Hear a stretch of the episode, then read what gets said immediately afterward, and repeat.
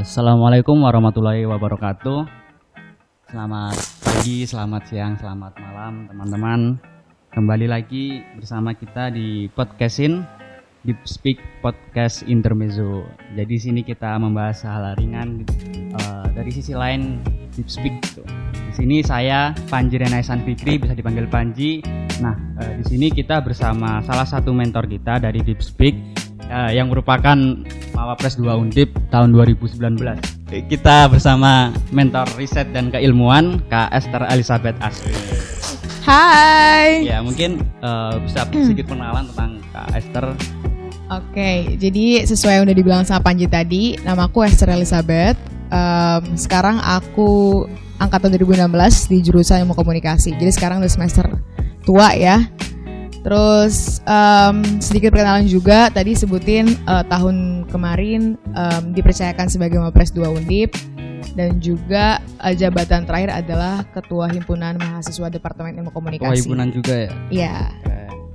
Ini kan Kak Esther uh, udah tahu speak sebelumnya atau belum? Sebelum apa nih? Sebelum jadi mentor. Sebelum jadi mentor udah udah lihat postingan BEM. Iya, betul. Ya, jadi kan emang ini program baru kita ya. Mm -hmm. nah, dan mungkin di awal dulu masih banyak orang yang belum tahu gitu. Nah, kira-kira uh, kalau dari pandangan Kak Esther sendiri, deep speak ini bagaimana sih?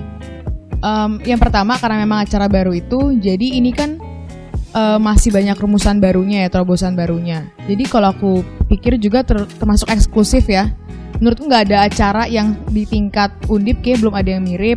Terus di tingkat fakultas juga setauku belum ada yang memang outputnya adalah seorang pembicara kayak baru deep speak. Jadi menurutku ini bagus banget. Dan urgensi teman-teman uh, organisasi dan komunitas di Undip juga menurutku pembicara ya. Karena kalau kita lihat regenerasi pembicara tuh uh, lambat banget. Itu-itu aja kalau pembicara. Termasuk nanti kita bahas juga di bidang riset. Jadi ketika ada deep speak ini, aku sih bersyukur banget ternyata ada yang peka untuk hal-hal masalah regenerasi pembicara kayak gitu. Jadi emang ini merupakan hal yang baru juga mm -hmm. ya buat Kak Esther. Mm -hmm. Karena memang belum ada ya, terlebih uh, pelatihan pembicara untuk bidang riset. Iya, betul. Jadi, kalau dari KS sendiri kira-kira ini kan utamanya adalah uh, tentang public speaking gitu ya kak. Mm -hmm. Kalau dari KS sendiri uh, gimana sih pandangan mengenai public speaking itu sendiri di Undip atau sebagai mahasiswa ya? Oke, okay. sebenarnya skill public speaking ini sebenarnya orang-orang udah pada tahu penting sebenarnya. Udah hmm. capek mungkin dibilangin. Seminar dari SMP bahkan dari SMA udah tahu, udah di, dijelin bahwa public speaking ini penting banget. Cuma bahkan sampai ke bangku kuliah bahkan ke mahasiswa yang mungkin kita lihat aktif di organisasi, aktif di komunitasnya, tapi ketika ditanya public speakingnya seperti apa, mungkin kita masih bisa meragukan. Nah, berarti um, komposisi um, materi yang diberikan ke mahasiswa tentang public speaking udah cukup, cuma entah kenapa ada sebuah dinding penolakan sehingga outputnya kita nggak bisa melihat mahasiswa dengan jumlah maksimal yang bisa ngomong uh, sorry punya skill public speaking.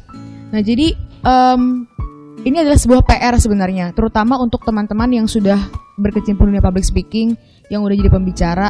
Ini kan sebuah question, kenapa ketika public speaking itu menjadi ilmu yang umum, ilmu yang sebenarnya um, inklusif banget ke orang-orang, tapi ketika ditanya berapa orang yang bisa itu hanya sedikit. Nah, jadi ini uh, apa ya?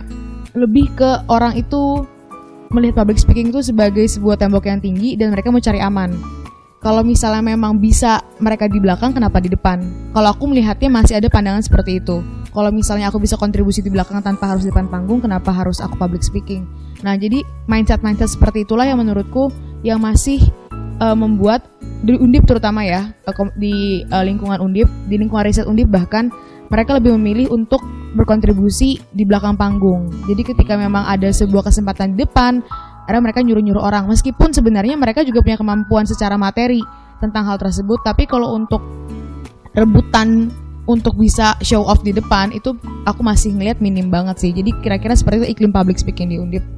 Ya, jadi sebenarnya udah banyak orang yang paham juga yang udah paham mm -hmm. ini dan mm -hmm. ini banyak yang bisa cuman mm -hmm. mungkin dari mereka banyak yang nggak berani gitu ya mm -hmm, untuk betul. diri mungkin kira-kira apa sih kak untuk uh, kenapa mereka nggak sebegitu nggak beraninya gitu loh untuk untuk diri gitu Sebenarnya um, motivasi untuk berbicara di depan umum itu awalnya mungkin agak susah kalau dari dalam diri sendiri ya. Gak, aku ngeliatnya sih jarang orang yang aku mau nih ngomong di depan. Biasanya tuh awalnya dipaksa dipaksa dulu, akhirnya oh bisa nih lama-lama akhirnya enjoy dan akhirnya ya udah em, suka relawan untuk ngomong di depan misalnya kayak gitu. Jadi nggak semua orang mendapatkan momen untuk dipaksa maju. Kadang-kadang kita lebih memilih orang yang udah biasa aja lah yang kita suruh maju. Orang-orang yang selama ini di belakang kita nggak terlalu pikirin kayak gitu. Akhirnya orang-orang yang tadi belum ngomong yang bisa maju adalah mereka yang berani sendiri. Dan itu jarang.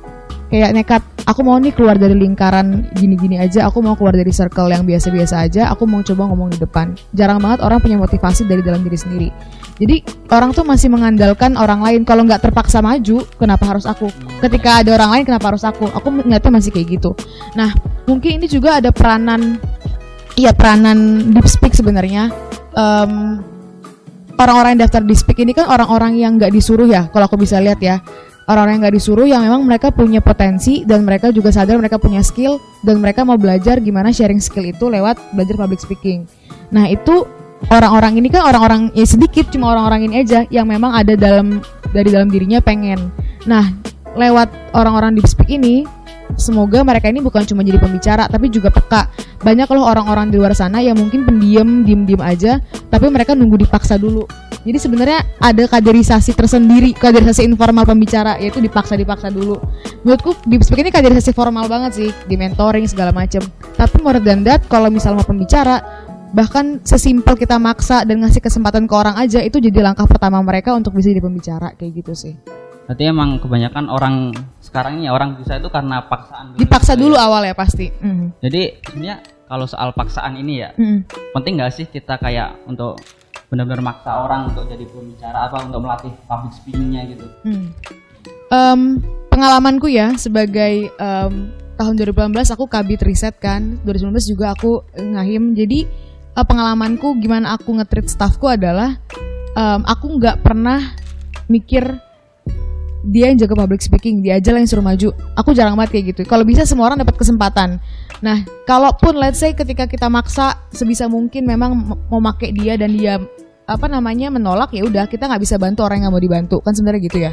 Jadi sesimpel kayak kita ngasih kesempatan dan kalau mereka nolak kesempatan itu ya udah seenggaknya mereka sudah ingat sudah ada pernah kesempatan. Kalau misalnya memang me- mereka memang pengen lagi itu biasanya mereka pasti nge-approach mbak waktu itu kan pernah ditawar aku nolak bisa nggak lagi? Ada orang-orang kayak gitu juga. Iya. jadi intinya kita offer kesempatan masalah diterima atau enggak itu kan urusan belakangan yang penting kita sebagai seseorang yang memiliki eh, kewenangan yang memiliki power untuk memberikan orang ruang untuk bisa explore diri mereka kita kasih tapi kan itu balik lagi ke mereka kayak gitu jadi memang harus ada apa ya effort dari kita sendiri yang sadar bahwa public speaking itu penting kayak gitu Hmm. Berarti ini sedikit berbicara juga ya berarti soal Mhm. kaderisasi public Mhm. speaking juga. Mhm. Dan emang eh, di kaderisasi ini tuh perlu ada paksaan juga di situ. Mhm. Tapi kalau misalkan emang ada orang-orang yang benar-benar nggak mau gitu gimana? Em, ya itu mau diapakan ya kita nggak bisa menyelamatkan semua orang ya nggak sih? Kadang-kadang mungkin ada sih sebuah pembelaan yang bilang kayaknya nggak perlu sama sekali di public speaking. Toh aku selama di kuliah pengen jadi sekretaris atau bendahara aja. Ada yang belanya gitu kayak aku kan selama ini cuma administrasi aja mbak. Yang nggak akan ngomong di depan juga. Cuma kalau aku bisa kalau aku bisa agak debatin ya. Cuma waktu itu pas aku dengar kayak gitu ada orang bilang kayak gitu aku bilang ya udahlah mungkin memang belum saatnya aja dia punya waktu untuk ngomong public speaking. Cuma kalau aku bisa eh, mengasih pembelaan skill public speaking itu sebenarnya bukan cuma ngelatih kita ngomong di depan umum. Ketika kita bisa ngomong secara di depan umum itu juga ngelatih skill komunikasi antar pribadi juga sebenarnya. Oh ya. ketika kita ngehandle masa yang banyak apalagi cuma satu orang. Jadi sebenarnya ketika kita belajar public speaking itu nggak ada yang sia-sia. Kan orang mikir ah kayaknya bakal sia-sia deh kalau aku ikut seminar ini toh nggak bakal kepake juga toh kulon nggak bakal ngomong di mana-mana juga. Iya. ada yang kayak gitu. Cuma itu eh, apa ya menurutku itu pikiran cukup pendek. Karena skill itu juga bakal berpengaruh ke em, kualitas kita berkomunikasi dengan orang komunitas eh, ko- eh, kualitas kita bersosialisasi dengan orang itu ngaruh banget gitu loh jadi kalau orang yang menolak so far aku belum bisa memaklumi sih karena harusnya semua orang tuh menerima bahwa public speaking itu memang harus dimiliki semua orang Eh, public speaking ini nggak harus untuk berbicara di depan panggung Mhm. atau eh, di depan orang-orang lainnya Mhm. atau pejabat mahasiswa misalnya gitu ya. Tapi untuk komunikasi juga dengan orang lain, dengan dosen juga. betul Oke, ini lanjut ke bahasan soal pembicara. Kan Kak Esther juga sering jadi pembicara juga Mhm. di Kulit, khususnya di bidang leadership juga atau eh, retorika atau juga. Nah, Sebenarnya ini urgensi pembicara ini bagaimana sih kak? Urgensi menjadi pembicara ya? Karena gini, em, jadi sebenarnya aku sendiri tidak bercita-cita aku menjadi pembicara enggak karena dulu belum ada di speak kan Hmm. belum ada di speak jadi belum ada konsep bahwa pembicara itu sebenarnya butuh dikader juga. Jadi aku belum kepikiran sampai situ. Cuma kan sesimpel ketika em, dari awal aku lomba aku aktif organisasi akhirnya panitia kenal namaku aku diajak buat pembicara. Awalnya kan itu ketika jadi satu pembicara nanti panitia ngerekomendasiin ke panitia acara lain. Terus berkelanjutan sampai akhirnya aku aktif di pembicara. Jadi belum ada kayak aku ingin jadi pembicara. Cuma untuk teman-teman yang sekarang menurutku setelah ada Deep Speak ini udah ada alasan untuk mahasiswa untuk bercita-cita jadi pembicara karena sudah ada ruang kaderisasinya. Semoga tahun-tahun depan selalu ada ya Deep Speak ya. Amin. Nah, jadi ketika udah ada Deep Speak udah ada eh, apa ya? Udah possible untuk bercita-cita sebagai pembicara karena udah ada ruangnya. Dan em, urgensi jadi pembicara itu penting banget karena dulu alasan aku sebenarnya bukan alasan aku jadi pembicara, tapi alasan aku em, eh, ikut BEM waktu itu. Kan aku lomba banget ya orangnya. Memang Iya. em, fokus lomba sampai semester 4 tuh lomba terus. Tapi ketika aku daftar BEM waktu itu simple banget. Aku mikir gini lomba itu uangnya buat aku pialanya buat aku family buat aku. Tapi belum ada yang bisa aku kontribusiin ke orang ke orang luar. Nah waktu itu belum kepikiran oh cara kontribusinya pembicara aja. Nggak kepikiran sampai situ karena aku mikir pembicara itu nggak butuh kaderisasi. Karena ya udah itu cuma sekedar job sampingan aja. Iya. kalau dipanggil ya udah kayak gitu. Akhirnya aku ikut bem dan aku em, daftar jadi eh, ketua bidang riset. Dengan harapan dari situ aku bisa inspire orang-orang untuk bisa ikut lomba juga. Mungkin ketika kita menginspirasi dari luar bisa juga. Cuma ketika aku ikut organisasi aku mikir aku bakal punya peluang lebih banyak. Bisa lewat prokerku em, aku juga bakal ketemu orang-orang yang punya koneksi segala macam. Nah sama ketika em, aku setelah jadi pembicara dan aku jadi semangat jadi pembicara adalah alasannya sama. Pembicara itu adalah orang yang bisa ngerubah cara pandang orang ketika ketika di mahasiswa ya terutama. Karena waktu itu salah satu alasan kenapa aku jadi mau pres ingin banget jadi mau pres itu karena pembicara juga. Hmm, Jadi, pembicara itu adalah eh, salah satu kesempatan yang paling efektif untuk bisa nge-inspire mahasiswa. Cuma itu. Dan mungkin ketika kita berbicara di depan umum misalnya lagi LKMM dasar atau mungkin lagi eh, grand opening research kita ngeliat kayak orang ngobrol biasa aja. Tapi aku percaya di antara 100 orang yang dengar itu seenggaknya ada dua orang yang ngerasa wah betul juga. Dan mereka pulang dengan pikiran yang baru. Jadi itulah urgensi pembicara bahwa merubah orang mengkader orang itu sesimpel ketika ngomong kita dua jam di panggung aja cukup kayak gitu. Jadi cara em, kita untuk bisa merubah pikiran mahasiswa untuk jadi lebih baik lagi em, ngasih ide ngasih inspirasi ngasih apa ya em, mind map lah. Kira-kira di kuliah kalian tuh bisa ngapain aja sih? Itu kan lewat pembicara. Makanya itu urgensi banget kita punya pembicara yang bagus. Karena sayang aja kesempatan dua jam itu dipakai buat cuma-cuma. Jadi memang eh, melalui deep speak ini aku harapannya pembicara yang bakal melahir adalah pembicara yang bisa nge-inspire orang dan bisa ngerubah eh, cara pandang orang yang darinya mungkin masih belum paham gimana cara survive di kuliah dia bisa kayak gitu. Ya ini cukup keren juga ya kak. Hmm. Jadi nggak eh, hanya berprestasi juga di luar tapi juga dalam berorganisasi pun eh, Kak Astrid juga merupakan kabit riset dan keilmuan juga ya iya dan juga merupakan mawapres Mm-mm. dan eh, menurut Kak sendiri ini kan berarti eh, jadi menjadi pembicara dan pembicara ini kan untuk memberikan inspirasi juga ya Mhm. Mhm. Nah, mungkin kalau dari Kak Esther sendiri gimana sih untuk menggait orang atau teman-teman yang di sana di luar eh, agar bisa tertarik untuk menjadi pembicara? Em, mungkin karena lingkungan lingka- lingkunganku tuh teman-teman komunikasi ya. Jadi kalau untuk kesadaran untuk memakai skill public speaking jadi pembicara itu sudah lumayan tinggi. Di FISIP sendiri juga kalau aku lihat em, orang-orang yang memang berkecimpung dunia public speaking lumayan banyak. Mulai dari yang mereka host, eh, penyiar, segala macam itu udah lumayan banyak. Jadi kalau lingkunganku sendiri em, aku udah melihat bahwa kesadaran public speaking itu udah dimiliki orang-orang. Bahkan yang udah punya skill tinggi juga ada. Tapi kalau untuk cara menyadarkan orang jadi pembicara itu sebenarnya agak susah kalau misalnya dari pengaruh luar. Karena yang aku bilang tadi menjadi pembicara itu kalau misalnya memang kita nggak punya intention untuk apa itu sebenarnya melelahkan. Kita bikin materi em, ngajar lagi. Ya kalau anak-anaknya dengerin kalau enggak. Kadang-kadang itu adalah suka duka pembicara ya mungkin kita dikasih plakat segala macam tapi ya udah sampai situ aja. Karena menurutku juga let's say ini buat CV segala macam nggak juga sebenarnya di pembicara itu. Betul juga ya.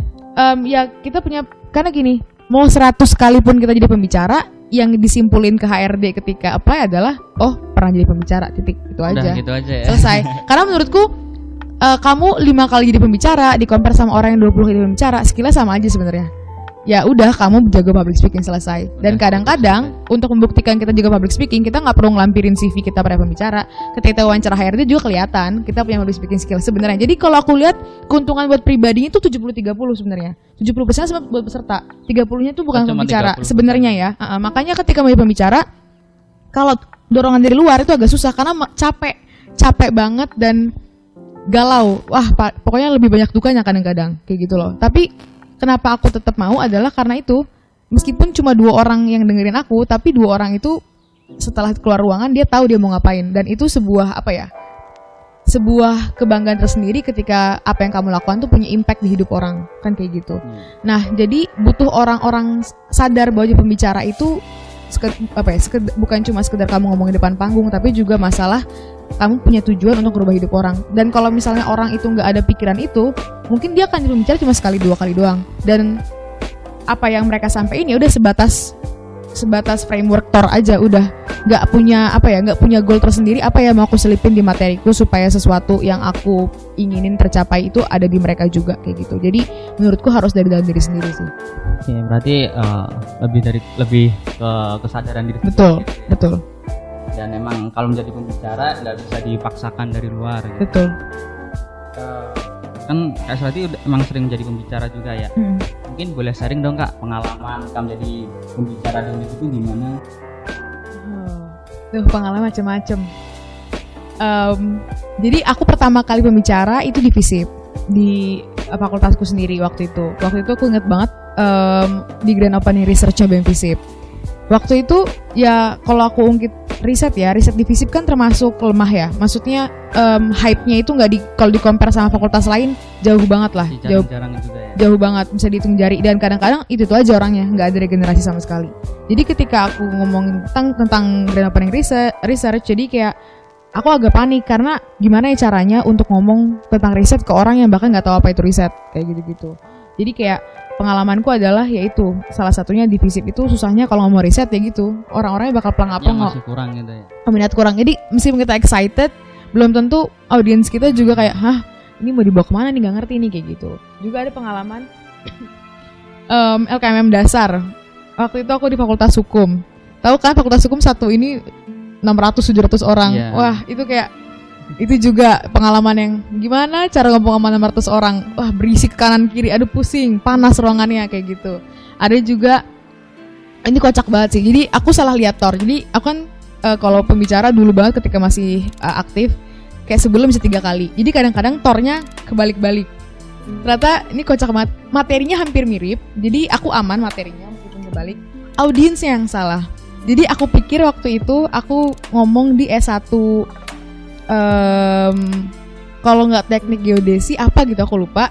Ternyata ketika aku ke sana ternyata itu adalah acara buat magister. Jadi S2 keren BUMN oh gini. Aduh ini acara yang mana? Aduh aduh udah deh. Kayak sebenarnya mungkin aku udah mempersiapkan gimana menghandle audiens yang senior. Gitu Cuma- ya, kaget tapi kayak untung aja materinya mirip. Jadi kayak masih bisa aku iniin. Dan memang ya kalau tipikal yang kalau bapak-bapak ibu-ibu yang dengerin kayak mereka nggak terlalu iya iya gitu aja. Jadi kayak meskipun kayak mungkin materinya agak melenceng dari tor mereka juga nggak bakal ngeh gitu. Kayak aku udah ya Tuhan Esther gimana caranya ini kok bisa ah gitu. Jadi adalah eh, kocak-kocaknya kayak gitu. Ada juga ketika aku nyampe di ruangan hari H ternyata acaranya nggak jadi. Panitianya lupa ngabarin. Ini kayak dibatalin gitu ya berarti. batalin kayak eh, aku udah di sini. Oh maaf kalau lupa ngabarin acaranya dibatalin. Loh. Loh loh. Jadi kayak banyak lah cerita-cerita kocak kayak gitu Terus eh, kalau selama menjadi mentor ini Kak, mungkin bisa di share juga untuk pengalaman saya jadi mentor ini gimana gitu. Ya walaupun belum banyak pertemuan ya, ini Iya. berapa kali pertemuan? Oh, udah berarti yang kedua kemarin kedua, kedua, ya. Mm. kalau aku em, sebenarnya aku hitung wawancara sebagai pertemuan pertama sih Oh. jadi ketiga mungkin ya jadi kan wawancara juga aku ngobrol-ngobrol sama mereka kan gimana sharing mereka tujuan mereka apa jadi em, peserta riset paling banyak kan 9 orang. Iya. aku gregetan mau nerima semua karena mereka itu meskipun mereka mungkin belum punya skill yang benar-benar bisa aku pakai buat jadi pembicara atau yang kayak kita udah percaya setelah lulus langsung pembicara. Tapi intention mereka itu dapat yang aku bilang tadi. Mereka tuh punya visi misi pembicara tuh mirip-mirip ketika aku waktu itu visi misi di kabit jadi kayak mirip-mirip. Dan aku berpikir selama ada niat skill itu pasti bisa dilatih kalau mereka mau kayak gitu. Makanya aku agak pas mereka mau nolak yang mana tuh aku ngerasa aduh kayak ngerasa berdosa banget. Kayak aku ngerasa ngala- menghalangi cara apa ya menghalangi jalan orang ingin berbuat baik ngerti gak sih? Iya, iya. karena ketika aku tanya tujuan mereka apa yaitu mereka pengen bantu orang pengen bantu komunitas mereka bahkan di desa mereka buat public speaking. Jadi banyak tujuan-tujuan yang sebenarnya em, bisa gitu loh dipakai. Dan mereka layak aja jadi peserta deep speak kayak gitu. Jadi aku ngeliatnya mereka benar-benar smart. Sejauh ini mereka antusias banget. Dan ya mereka benar-benar apa ya 100% banget lah untuk ngikutin rangkaian deep speak ini kayak gitu. Terus eh, mungkin udah ada cerita-cerita lucu atau pengalaman yang unik gitu kak ketika memberi mentor ke peserta. Iya, jadi uh, lucunya adalah, jadi aku kan memberi ini ya, memberi kesempatan untuk teman-teman uh, uh, anak-anakku di riset itu, kalau misalnya mereka memiliki apa ya pertanyaan di luar deep speak atau mungkin pertanyaan yang sifatnya personal banget, Hmm. aku buka sebuah apa uh, ruang buat sesi informal. Jadi kalau misalnya mau nelpon, Oh Sendiri. personal gitu aku personal, bisa juga aku ya. bisa aku kasih. Cuma aku bilang kecuali weekend ya, aku bilang kayak gitu. Maksudnya itu kan waktu eh, ya waktu self time lah kayak Iya. gitu. Cuma ada satu orang, ini kalau dia denger nggak apa-lah. Ada satu orang, Mbak nggak bisa weekend aja. Oke, kenapa emang? Ya saya soalnya free-nya weekend. Lah saya nggak free weekend. kayak jadi kayak apa ya? Mereka em, orang-orang yang polos yang masih ingin belajar Iya. terus, tapi ya aku kayak nggak bisa marah kayak loh kok lo nge nge-violate private time gue tapi ya udah kayak oh ini orang mau belajar terus kayak gitu Iya, iya. terus ada juga yang kayak ketika justru kalau aku tiap sebenarnya setiap aku sesi pembicara aku akan selalu mengalokasikan waktu lebih banyak ke Q&A session. Jadi materi dikit banget kalau aku. Jadi kita lebih fokus ke banyak diskusi. diskusinya. karena aku takutnya adalah agak aku sering banget soalnya pembicara yang memang ngulik banget di materi tapi jangan-jangan materi itu sebenarnya peserta udah tahu apalagi kalau ngomong public speaking ya. Itu kan ilmu umum ya. Orang-orang Iya. udah tahu oke harus pede oke harus kayak gini. Orang-orang udah tahu. Mungkin hal-hal yang mer- belum mereka tahu kan munculnya di pertanyaan. Nah apalagi ngomong riset juga. 99 orang ini mereka semua udah jago riset udah ada yang jadi kabit riset di fakultas mereka udah ada yang berkecimpung di PKM lomba-lomba. Kalau ngomongin riset kelamaan mereka udah tahu dan nggak dapat Iya. ilmu baru. Jadi kan aku selalu maksimalnya di uh, Q&A session. Let's say dikasih waktu 60 menit aku materi cuma 10 menit kali atau 20 menit. Kita- bahasnya di itu justru asiknya di diskusi kayak gitu ngobrol-ngobrol. Kadang-kadang ada yang cerita kalau aku mbak di rumah gini-gini kayak ada yang cerita-cerita Iya. pribadi. Jadi aku ngerasa sayang banget nih kita online semua gara-gara corona. Kalau misalnya bisa ketemu langsung Iya. wah seru banget. Seru banget rame banget anak-anaknya sih. Oke terakhir ini kak. Eh, kalau dari kak sendiri ada pesan-pesan gitu nggak sih untuk mahasiswa yang ingin menjadi pembicara atau yang melatih public speakingnya gitu? Oke, eh, untuk teman-teman mahasiswa Undip yang memang punya cita-cita untuk menginspirasi orang lewat karya-karya mereka, em, jangan sampai em, mengurung diri untuk jadi pembicara. Karena meskipun kalian berkarya di komunitas kalian masing-masing, em, di organisasi kalian masing-masing, kalian juga harus sadar bahwa banyak orang di luar sana yang memang membutuhkan inspirasi dan juga em, nasihat atau mungkin insight dari kalian. Jadi selalu berpikir bahwa ada orang di luar sana yang membutuhkan kalian. Kalau kalian punya skill, kalian punya potensi, jangan pelit untuk dibagikan. Dan salah satu cara yang paling efektif adalah untuk berkontribusi, mengontribusikan diri kalian untuk menjadi pembicara di mana pun, kapan pun, dan dengan siapa pun kayak gitu. Oke keren sekali kak Esther. Mhm. Ya mungkin karena ini waktunya sudah sudah cukup ya. Iya. Karena memang kita nggak mau panjang-panjang biar bisa didengerin santai aja di sini. Mungkin itu aja ya untuk bahasan kita pada pertemuan kali ini.